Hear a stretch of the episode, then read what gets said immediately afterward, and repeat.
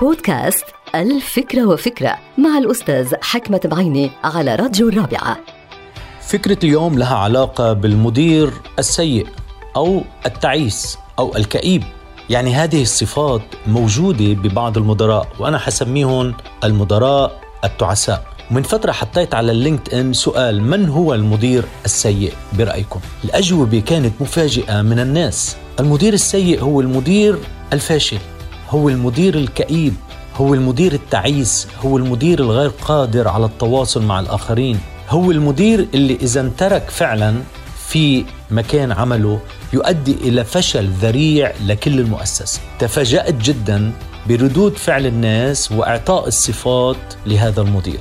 هذا المدير علينا واجب إذا نحن مسؤولين عن مؤسسة أنه نعمل له كوتشنج نحاول نساعده ليتحول من مدير سيء إلى مدير جيد. ولكن إذا فشلت هذه المحاولات بيكون على هذه المؤسسة واجب أن تتخلص من المدير السيء لأنه تأثيره السلبي على الموظفين كبير جدا. أما على النجاح فهو مئة بالمئة سيؤدي إلى فشل المؤسسة بالكامل. احذروا من المدراء السيئين أو المدراء التعساء.